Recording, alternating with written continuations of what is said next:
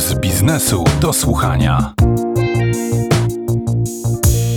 Dzień dobry, nazywam się Marcel Zatański, a to jest Puls biznesu do słuchania.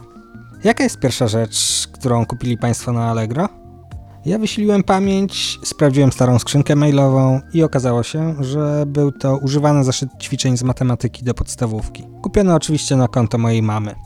Ostatnią rzeczą natomiast kupioną na Allegro był kluczyk do perlowskiego barku, bo oryginalny gdzieś mi się zagubił, a w środku stał jakiś alkohol i Allegro jak zwykle pomogło w rozwiązaniu tego życiowego problemu.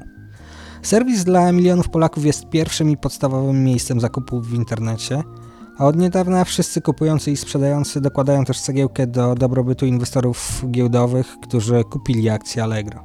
Debiut spółki 12 października był historyczny.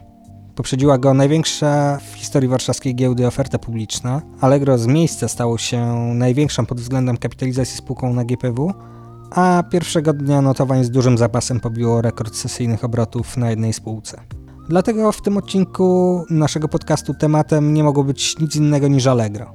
Allegro oglądane z kilku stron, bo o jego giełdowym potencjale porozmawiałem z przedstawicielami TFI, domów maklerskich i inwestorów indywidualnych – a ekspertów od handlu zapytałem o model biznesowy spółki, jej perspektywy i szanse w walce z międzynarodowymi rywalami.